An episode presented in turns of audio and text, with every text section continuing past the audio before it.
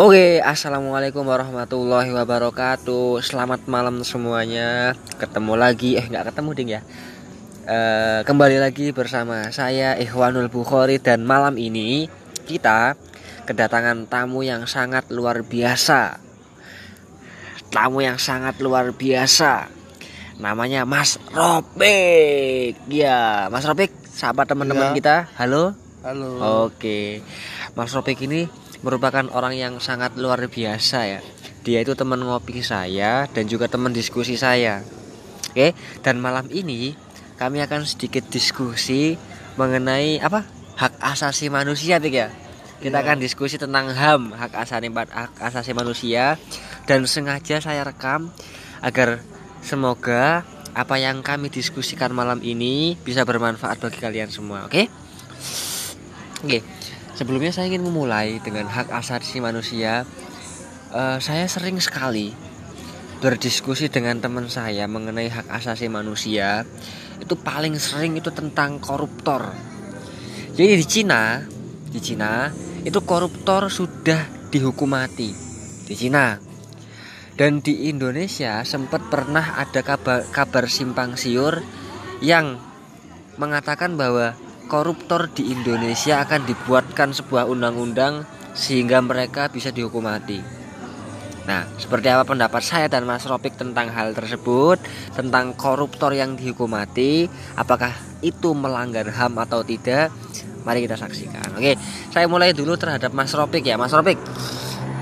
Menurut menurut Anda ya, menurut kamu ya, kasus bukan kasus ya, problematika yang terjadi di sekitar kita koruptor kan sudah sangat parah ya apalagi di Indonesia sangat parah ya menurut anda apabila di Indonesia koruptor sudah diperbolehkan dihukum mati oleh undang-undang menurut anda gimana Setuju saja. setuju Iya, setuju. kenapa Dengan alasan hukuman mati, Hah? para koruptor bisa men- bisa mengerem tindakan korupsi Hah? dan bisa menimbulkan efek jerah menimbulkan efek bagi jerah ya pelaku dan bisa ditegakkan di Indonesia oh dan harus ditegakkan. Oh, jadi intinya yang saya tangkap dari Mas Ropik gini ya. Eh, hukuman mati diperbolehkan karena agar menimbulkan efek jerah ya, Pik ya. Iya, Jadi tidak ada niatan untuk menyakiti sebenarnya ya. Cuma untuk menimbulkan efek jerah agar mereka tidak berani melakukan korupsi di Indonesia, Pik ya. ya harus ditegakkan. Harus ditegakkan ya. harus. Jadi apa pun alasannya, keadilan harus ditegakkan karena Pancasila kita yang terakhir bunyinya keadilan sosial bagi seluruh rakyat Indonesia. Gitu ya. Jadi Iya. intinya kamu setuju kalau misalkan korupsi diteg eh, hukuman mati bagi para koruptor ditegakkan di Indonesia. Setuju dong. Setuju. Oke. Tapi gini kawan-kawan, yang menjadi permasalahan di sekitar kita itu gini sebenarnya. Hak asasi manusia. Hak asasi manusia berarti hak-hak yang harus diberikan kepada manusia. Jadi yang berhak mendapatkan hak asasi manusia adalah manusia itu sendiri. Yang jadi permasalahan ya, banyak orang yang wujudnya manusia, realitasnya manusia, berbentuk manusia, tapi tidak manusia. Tidak memiliki peri kemanusiaan, tidak manusiawi dan lain sebagainya. Kalau menurut Plato, manusia itu yang paling penting adalah esensinya, nilainya. Kalau menurut Aristoteles, manusia itu yang paling penting adalah realitasnya, wujudnya. Kalau menurut kiai-kiai, saya pernah mondok, pernah ikut kajian-kajian di mana-mana.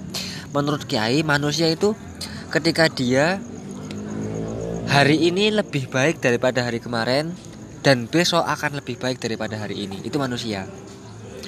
Dan saya lebih setuju dengan dengan dengan filosofisnya orang Jawa bahwa manusia itu yang paling penting adalah esensinya. Karena Hanoman Hanoman itu bentuknya kera, wujudnya kera tapi dia dianggap manusia karena dia memiliki peri kemanusiaan. Walaupun wujudnya kera, tapi dia memiliki kemanusiaan, dia memiliki peri kemanusiaan maka dia tetap dianggap manusia.